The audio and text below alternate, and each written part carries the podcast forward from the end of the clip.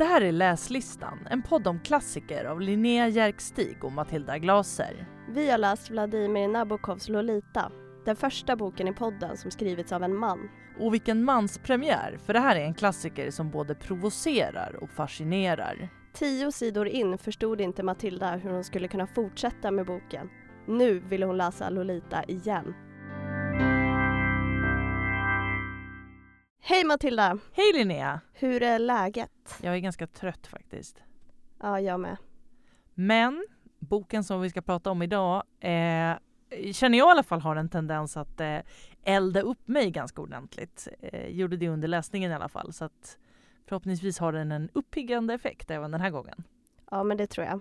Den är ju som uppbyggd för att man ska bli eldig och galen. Kan man säga. Eh, ska jag säga vad vi har läst? Det tycker jag känns som att det är på tiden. Vi har läst eh, Vladimir Nabokovs Lolita. Och det här är ju faktiskt den första boken som vi läser i den här podden som är skriven av en man. Mm. Det känns lite sjukt faktiskt. Det känns eh, som ett, eh, ja vad ska man säga? Det a small step for man, a giant step for mankind. Ja, exakt. Nej. Det känns som att vi har, alltså att vi gör något eh, olämpligt nu. Ja, på ett sätt kan man ju också tänka att av alla böcker om män så är det här å ena sidan en bok av en man men som handlar väldigt mycket om en kvinna. Mm. Men den är ju också eh, ja vad ska man säga, det är liksom inte, en, eh, det är inte ett feministiskt eh, verk direkt. Nej, verkligen inte. Och sen kan man också fråga sig lite hur mycket den handlar om en kvinna egentligen. Eh, man kan säga att den här boken är urtypen av the male gaze. Eh, ja, det kan man göra. Ja, vi har verkligen gått från eh, litteratur skriven av kvinnor till en rysk klassiker om en pedofil. Förra avsnittet pratade vi om Män kan inte våldtas. Exakt. Nu pratar vi om Lolita. Nej men nu vi ska gå till saken då. Kan inte du berätta lite vad den här boken handlar om? Absolut. Den handlar om en medelålders man som kallar sig själv för Humbert Humbert. Eh, och eh, boken, eh, i boken så skriver han sina bekännelser om sin livslånga kärlek till vad han kallar nymfetter. Och nymfetter är då en viss typ av flickor mellan 9 och 14 år.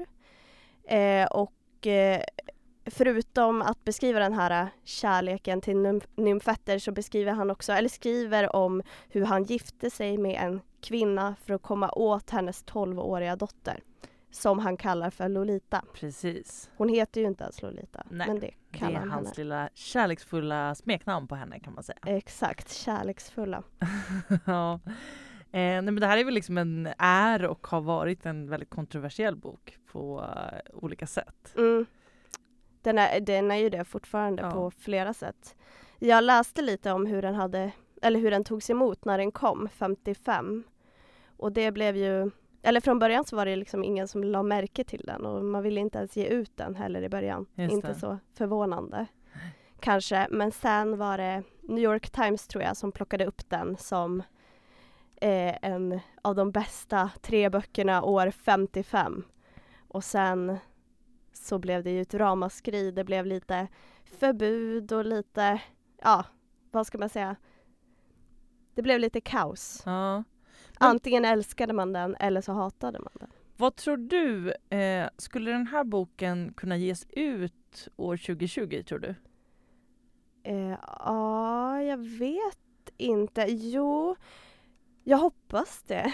Ja men för jag tänker att på ett sätt så kanske liksom kulturvärlden och vår syn på liksom kontroversiell kultur har blivit eh, liksom öppnare och bredare och vi kan eh, tolerera eh, att eh, konsumera och publicera även det som, som skaver eller som kanske går totalt emot våra liksom, etiska regler i samhället eller vad man ska säga. Mm. Å andra sidan så tänker jag att just det här ämnet, liksom pedofili och eh, det är ju liksom en väldigt, väldigt sexistisk skildring, inte bara liksom en, en skildring av en pedofil utan generellt sett tycker jag en väldigt sexistisk skildring av, av kvinnor och unga flickor.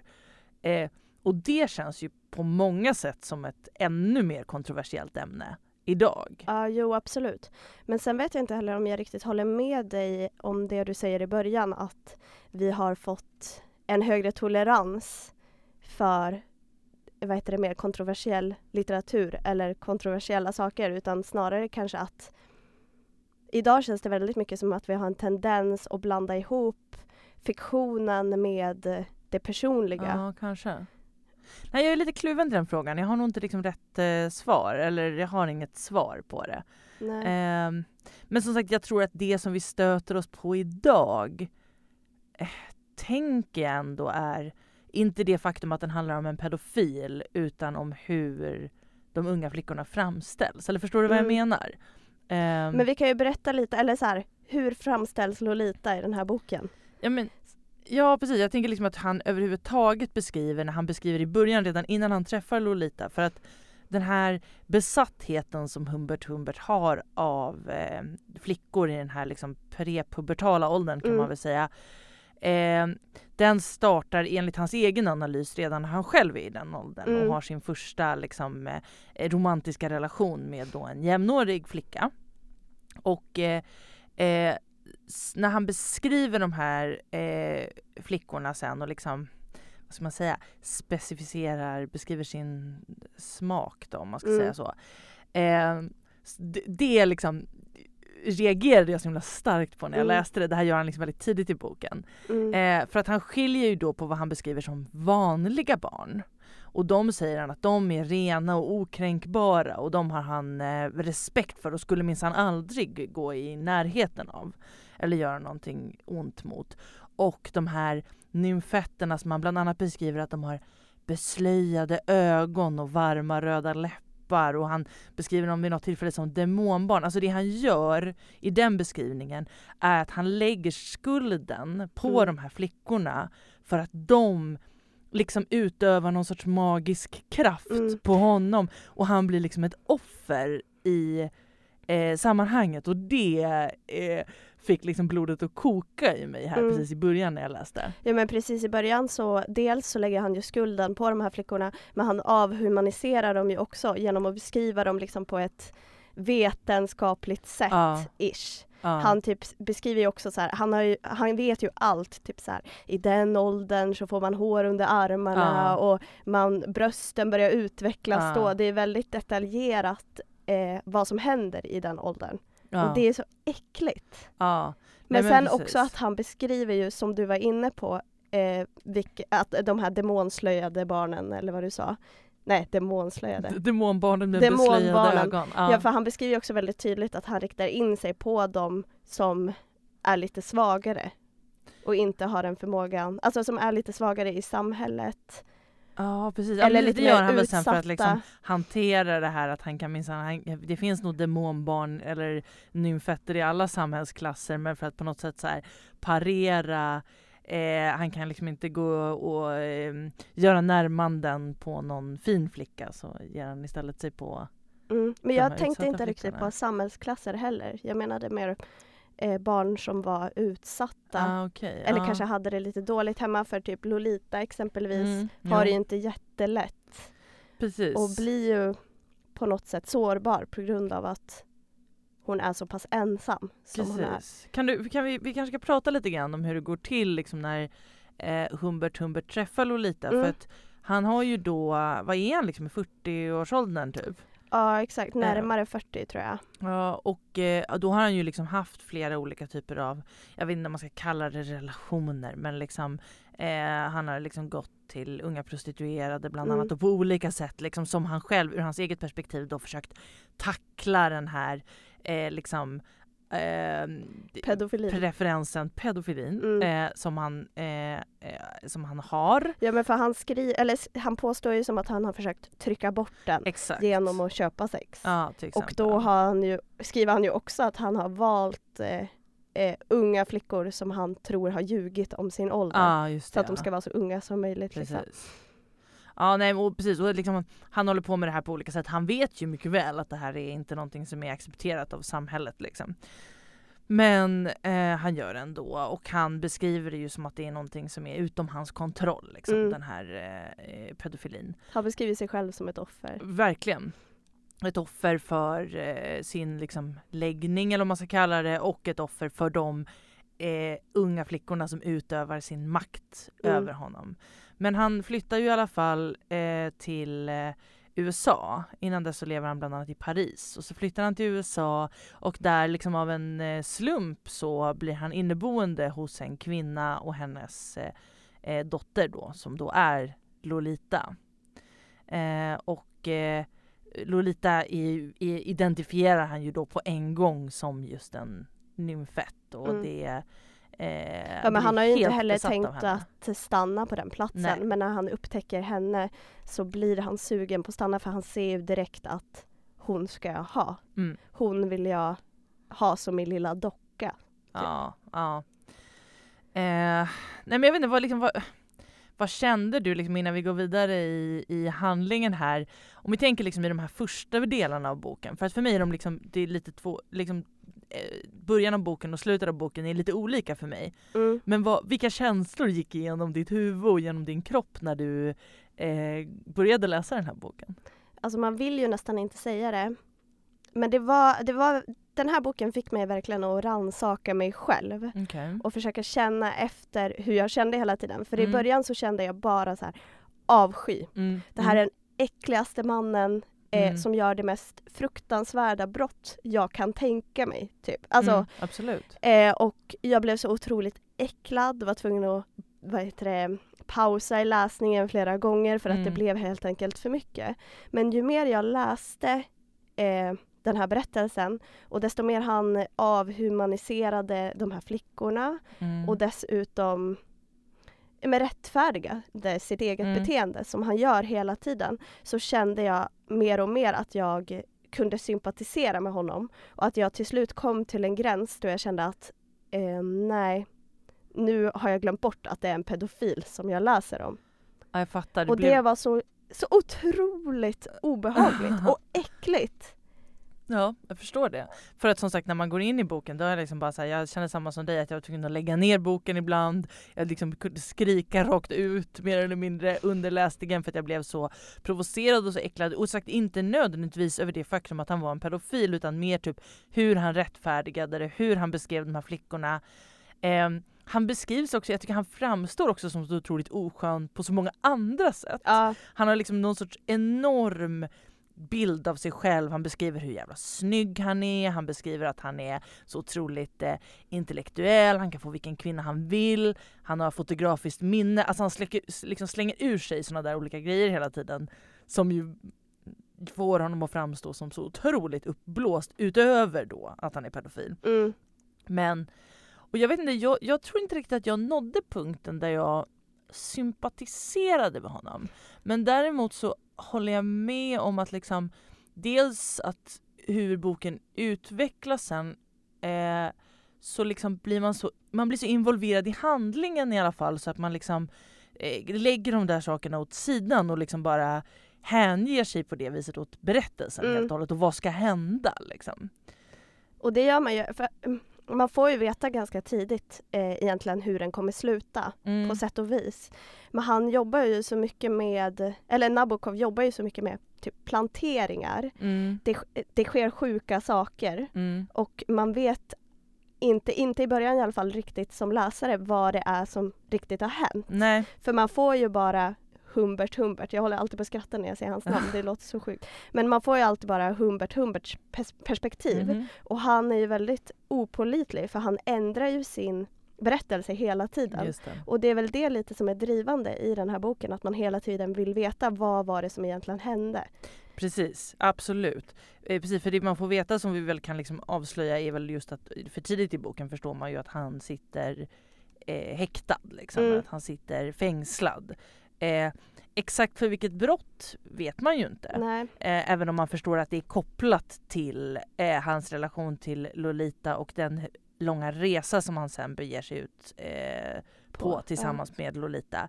Han kan, man kan ju säga att, eller han, han kidnappar ju henne Ja. ehm, och eh, reser iväg med henne.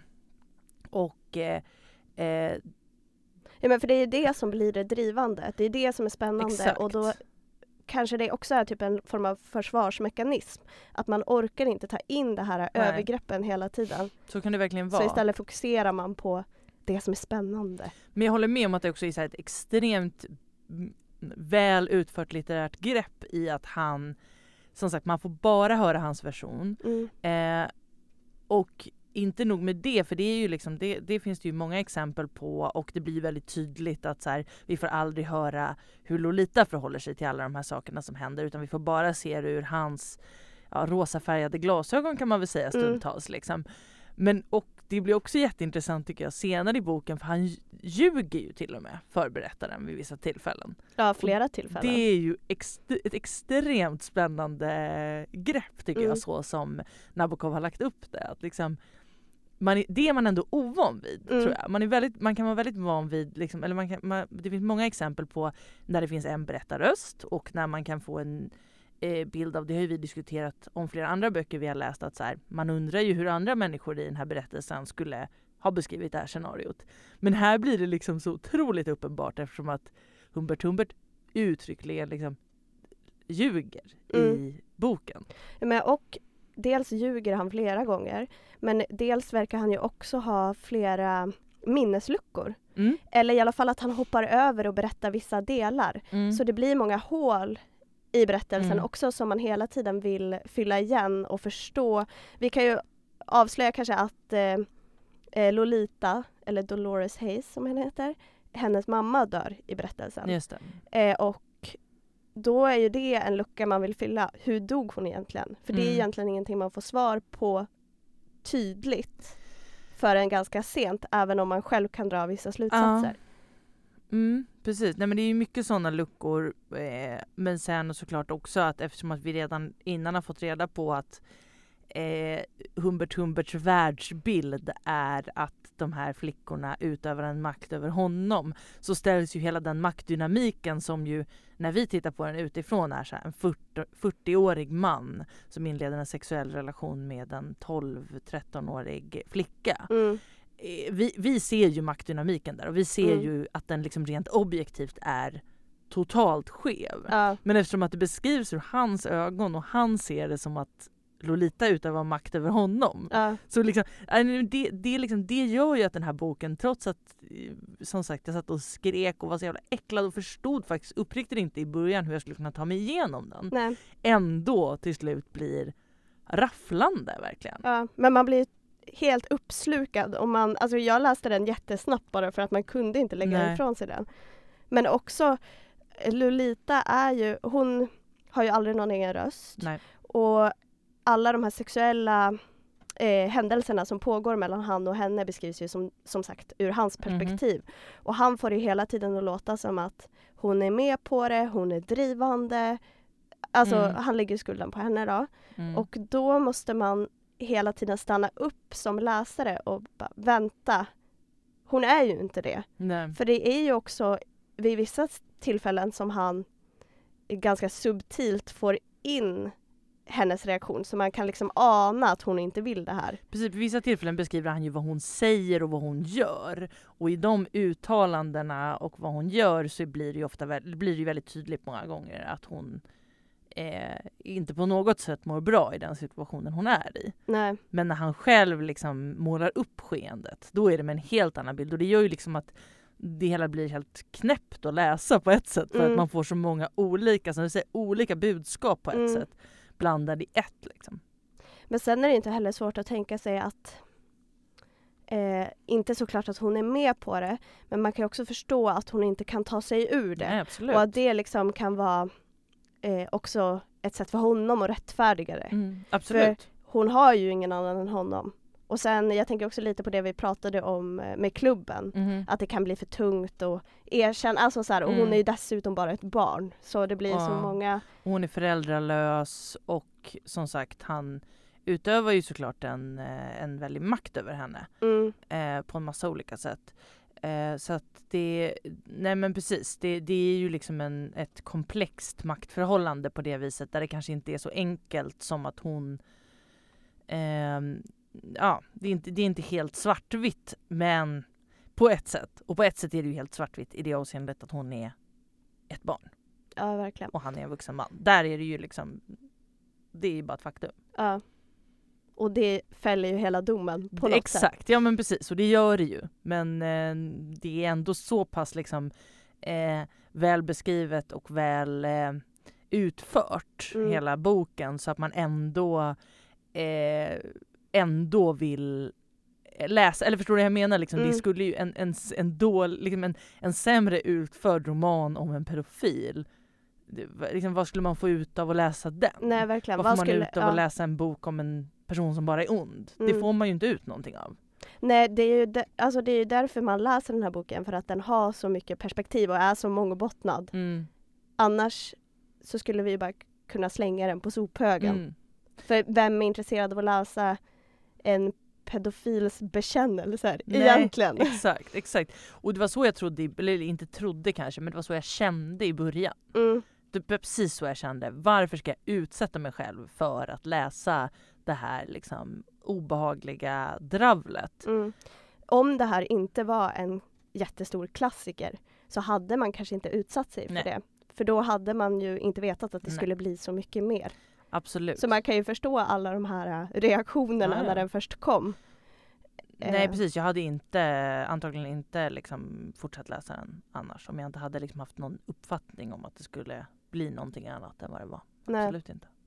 Eh, men en annan sak som gestaltas väldigt snyggt tycker jag också, det är ju att, eh, eh, nej men som vi sa så eh, börjar ju boken, eller ganska tidigt i boken får vi reda på att han sitter i häktet. Mm.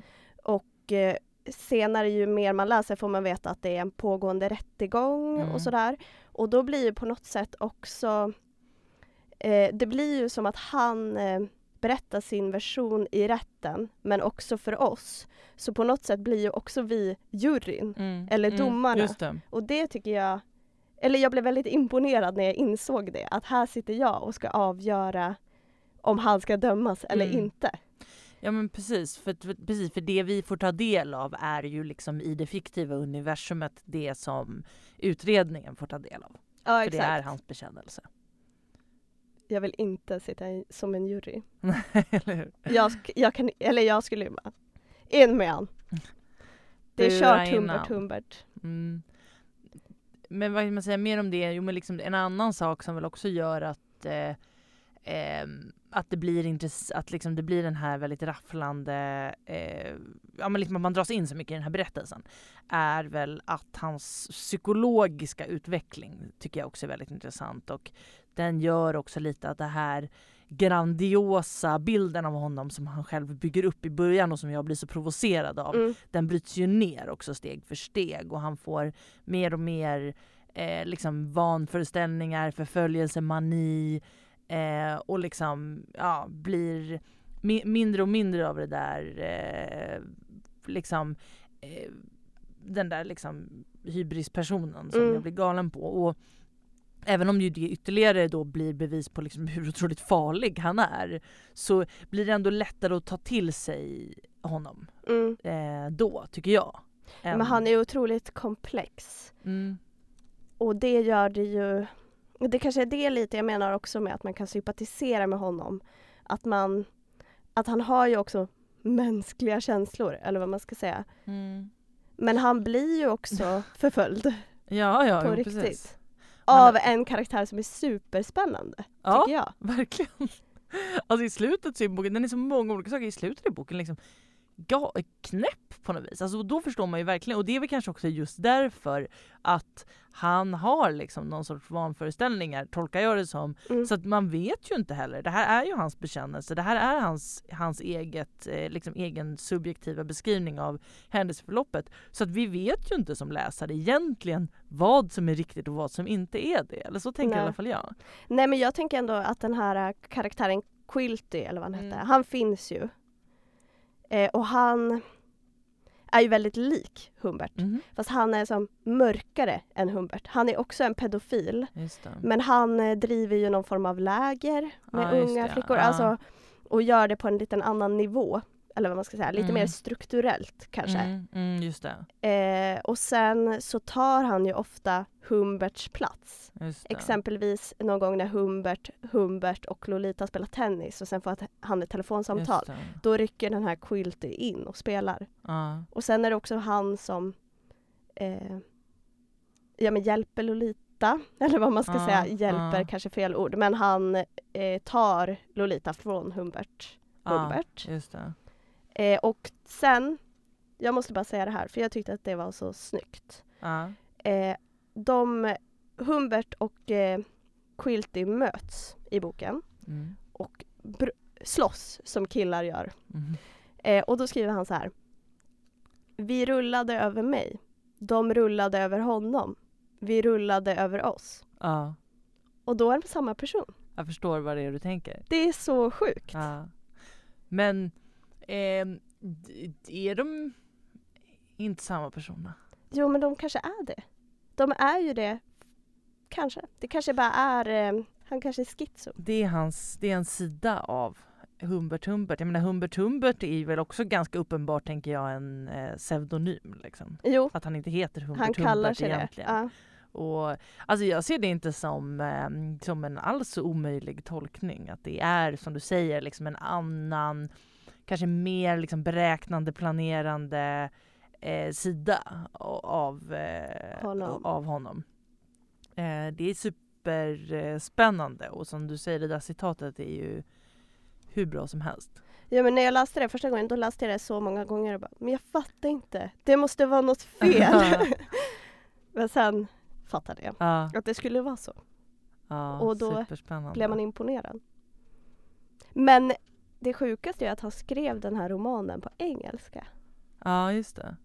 Men jag vet inte vad han, eh, alltså jag vet att han är från Ryssland men jag vet inte om han, liksom hur hans eh, bakgrund ser ut. Alltså om han eh, är liksom uppvuxen bara i Ryssland eller om han kommer från en mer internationell bakgrund eller så.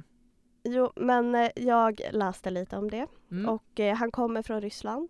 Men i samband med oktoberrevolutionen, som jag har jättedålig koll på ska jag vara ärlig, Mm. eh, så flydde familjen. Så de har levt, eller han levde då med sina föräldrar i exil i flera Mm. europeiska länder Mm. och sådär. Och sen när, levde han länge i Tyskland och när Hitler kom till makten så flydde han och för USA. Mm, okej. Så det är väl, Så han är antagligen spelat, spend, liksom tillbringat en ganska stor del av sin uppväxt eh, i liksom mer internationella miljöer eller vad man ska säga. ja absolut. Men visst, det är, ändå, det är ändå det är väl få författare som sk- inte skriver på sitt modersmål, så att säga. Ja det är ju jättesvårt. Och det här är väl en bok som, nu har inte jag läst den på engelska och det har inte du heller. Eh, men jag vet att det har varit mycket liksom, diskussioner kring de svenska översättningarna. Det har gjorts flera stycken just för att den engelska anses ha ett just så otroligt storartat språk. Mm. Eh, så Ja. att uppenbarligen inte det, det här med att han inte skriver sitt modersmål är uppenbarligen inte något som har hämmat honom. Nej verkligen inte. Och det känner man ju också i den här svenska översättningen som vi läste. Eller jag antar att vi har läst samma. Jag vet faktiskt inte för att jag har ett jättegammalt ex. Jag måste kolla det för jag har inte det med mig nu när vi spelar in. Ehm, det vore ju intressant annars om vi har läst olika Ja översättningar. verkligen. Men eh, ja för i mitt eh, förord eller efterord eller vad det nu var. Det stod i boken i alla fall att eh, om de här dåliga översättningarna i Okej, Sverige. Jaha, okej. Eh, och att eh, han hade fått reda på det genom någon svensk kompis. Och att han hade stoppat utgivningen för att det var så katastrofalt. Ja men precis, för det kan tydligen finnas någon första översättning som liksom har sågats med fotknölarna och liksom inte överhuvudtaget lyckas plocka upp det han ville. Man blir Säga. otroligt sugen på att läsa den. Eller hur? Faktiskt. Spännande. Ehm, men eh, en sak som jag kan störa mig lite på med den här boken Mm.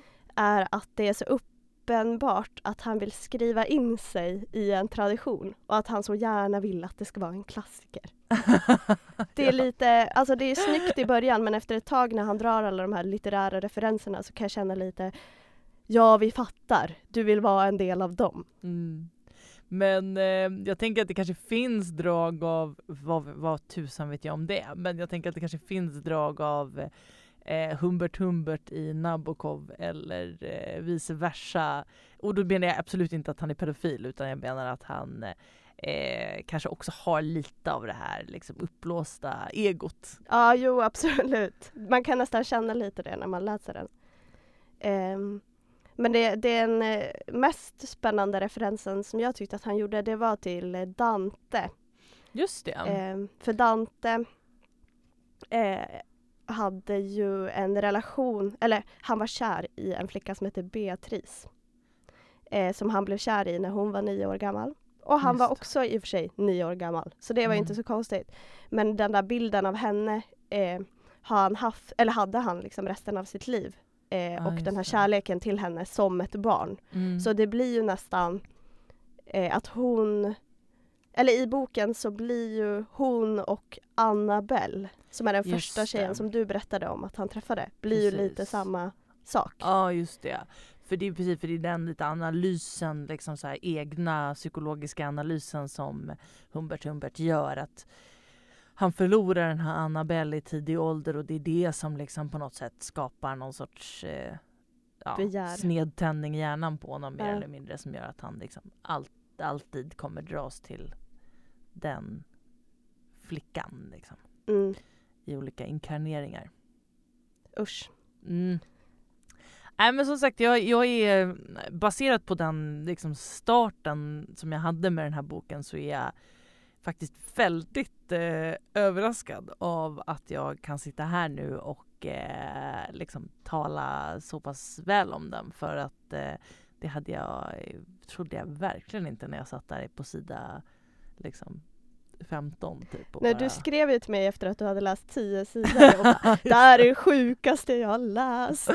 ja, nej, jag hade väldigt, väldigt eh, svårt där i början, men eh, eh, nu känner jag att så här, det är nog kanske inte, det kanske är en sån bok som man typ behöver sätta en triggervarning på att så här, eh, om man tycker att de här, eller alla tycker att de här ämnena är obehagliga såklart, men om man liksom är av en eller annan anledning ex blir extra illa berörd av eh, ämnen som rör bland annat pedofili så ska man nog inte läsa den här boken mm. av den anledningen. Men, Men eh, tycker du att folk ska läsa den? Eller vad tycker du nu i efterhand? Jo men alltså ja, ja alltså, det, alltså det förvånar mig uppriktigt alltså att jag säger det här. Uh. Men ja, för jag tycker den är jättespännande. Mm. Jag tycker den är liksom problematisk på många sätt. Jag tycker att den är provocerande. Men jag tycker att den är jättespännande. Mm. Och jag tycker att den språkligt är och liksom berättartekniskt är jätteintressant. Mm. Nej, jag kan inte annat än att instämma. Men också vill jag bara tillägga att det känns som att det är en bok som man kommer bära med sig. Mm. Jag har tänkt på den ganska mycket sedan jag läste den. Mm. Jag också, jag har längtat efter att få prata om den faktiskt. Ja, jag med. Och att jag har funderat på man kanske ska läsa den igen. Oh. Det var här... min känsla efter att jag avslutade den. Bara, jag vill bara börja om. Ja, jag tror att jag skulle, jag tror att det skulle vara jättebra för mig att läsa den igen faktiskt. Just för att så här, eh, det skulle vara intressant att liksom läsa den här början med lite andra ögon. Alltså jag skulle mm. nog kunna se nya detaljer och förstå nya dimensioner av den om jag läste den igen, absolut. Ja, det skulle också vara spännande för det känns som att man skulle kunna också få en helt annan uppfattning än den man har nu. Mm. När man liksom har ja. hela boken ja. i minnet. Det är faktiskt sant. Det får bli någon sorts uppföljningspodd. Ja, exakt. Lolita, igen. Nästa vecka. Nej, Nästa, avsnitt av podden.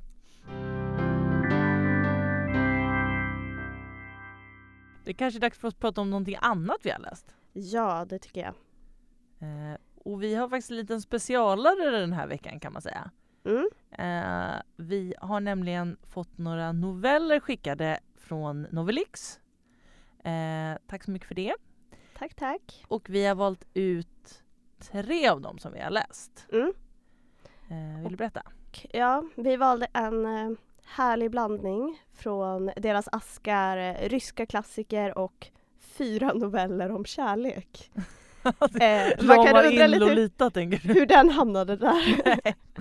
men det Nej, var lite noveller som vi tyckte var intressanta. Um, den första vi läste heter En dåres anteckningar av Nikolaj Gogol. Mm. En av de här uh, ryska giganterna. Precis.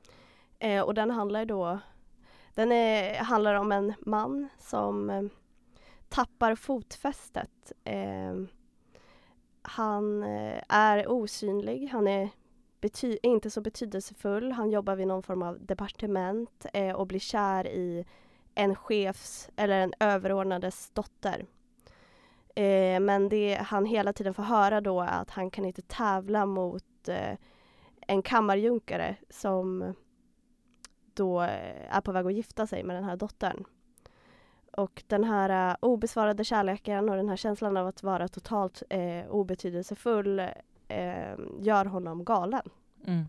Och det ledde till att han ifrågasätter både sig själv och tillvaron i stort. Han blir liksom galen och totalt deprimerad. Mm. Och hur hanterar man en sån känsla? Mm. Jo, man tror att man har blivit kung av Spanien. det vet ju alla. Exakt. Nej, men det är väl lite härligt att ta på sig rollen som någon stor helt enkelt. Mm. Ja, men det är en verklighetsflykt En verklighetsflykt. Det kan man ju relatera till på olika plan kanske. Inte, inte nödvändigtvis bokstavligt men Nej. eh, att eh, liksom eh, dyka in i en fantasi för att eh, klara av en jobbig verklighet. Mm. Det är ju en ganska naturlig mänsklig instinkt. Liksom. Men antingen att dy- dyka in i en fantasi eller att dyka in i någonting som man håller på med. Jobbet. Exakt. Eller ja, alltså så här, Mm. bli besatt av sitt intresse. Renovera. Köpa ett gammalt hus. Exakt. Måla tennsoldater. Så här, mm, jobbig period, vad ska jag göra? Köpa ett gammalt hus, börja måla warhammers eller ta på mig rollen som kung av Spanien. Eh, jag skulle ta kung av Spanien. Det låter mycket roligare Lätt. faktiskt. Ja men det är inte så roligt för honom för att eh, man får ju hela tiden, alltså stora delar av den här novellen så får man eh, veta hur han blir bemött Mm, som kung av Spanien. mm, Och det är ju inte så rolig historia. Så den handlar mycket om eh, vad som händer på psyket mm, och sådär. Men den var väldigt, jag tycker att den hade ett väldigt stort djup och var väldigt intressant just ur aspekten depression, må dåligt, bli galen. Vad är galen? Eller sådär. mm, mm. Precis. Så den kan man läsa. Den för ju onekligen tankarna till en bok som vi ska läsa i, eh, eller prata om i nästa avsnitt. Mm, Nämligen väldigt Kejsaren av. Portugalien. mm, som ju eh, ja, men verkligen har en eh, nästan, eh, nästan underligt lik tematik i just det här att ta på sig rollen som en, eh, gå in i rollen som en europeisk härskare ja. i, för att eh, undfly en eh, svår verklighet. Det skulle vara förlust. intressant att veta om Selma Lagerlöf hade inspirerats Ja, av den här faktiskt, novellen. För den här novellen kom ju tidigare. Mm. Så det är ju inte så orimligt om hon hade gjort det. Nej, faktiskt inte. Om den kanske hade väckt en liten tanke eller en idé. Mm. Men en annan novell vi har läst är också Arvet av Virginia Woolf. Precis. Virginia Woolf har ju vi läst tidigare här i podden. Ja, eh, då mot fyren. Eh, otrolig bok. ja, den var faktiskt bra. På tal om böcker som, som stannar i en faktiskt. Ehm, precis. Ja, men ska jag säga någonting om eh, arvet då? Mm. Eh, den handlar om en eh, framstående politiker. Eh, han heter Gilbert Clandon. Mm. Och den här bok, den här eh, väldigt, väldigt korta novellen Otroligt kort. den är liksom kanske 17 sidor lång. Eh, vilket är helt otroligt mm, kan jag känna nu när jag tänker på liksom ändå vad den täcker in. Eh, den beskriver i alla fall hur hans fru precis har dött i en bilolycka.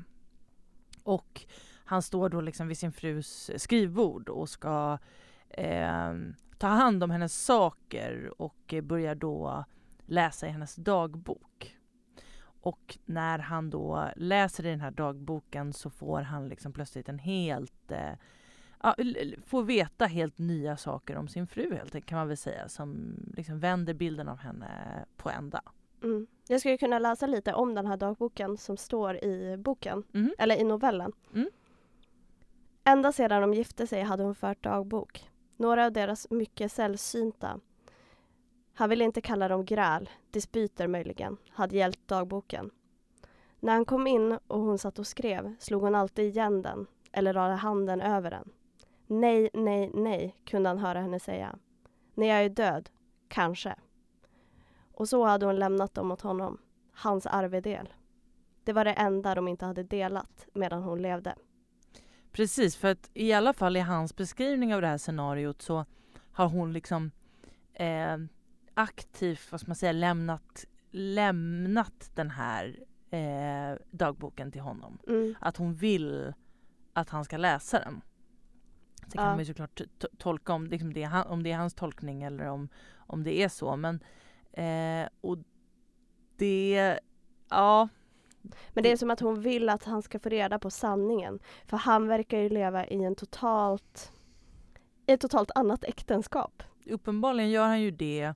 Och han är beskriven, liksom det, den, det, som sagt det här är en 17 sidor lång novell, det är ju helt otroligt för att den målar ju verkligen upp utöver då att liksom få, vi får reda på eh, de här liksom hemligheterna om eh, hans fru då, så eh, berör den ju också liksom den här, ett, ett, ett ojämställt förhållande eh, mellan eh, liksom i, i överklassen eh, i tiden, alltså liksom hur han förverkligar sig själv genom sin karriär som politiker, får po en liten post i regeringen och liksom lever hela det livet och hon ja, men lämnas kvar i ett eh, slags liksom eh, i ett liv där hon inte får någon eh, möjlighet att eh, utvecklas och förverkliga sig själv. Total, hon får ju totalt, eller så här, absolut ingen stimulans överhuvudtaget. Nej.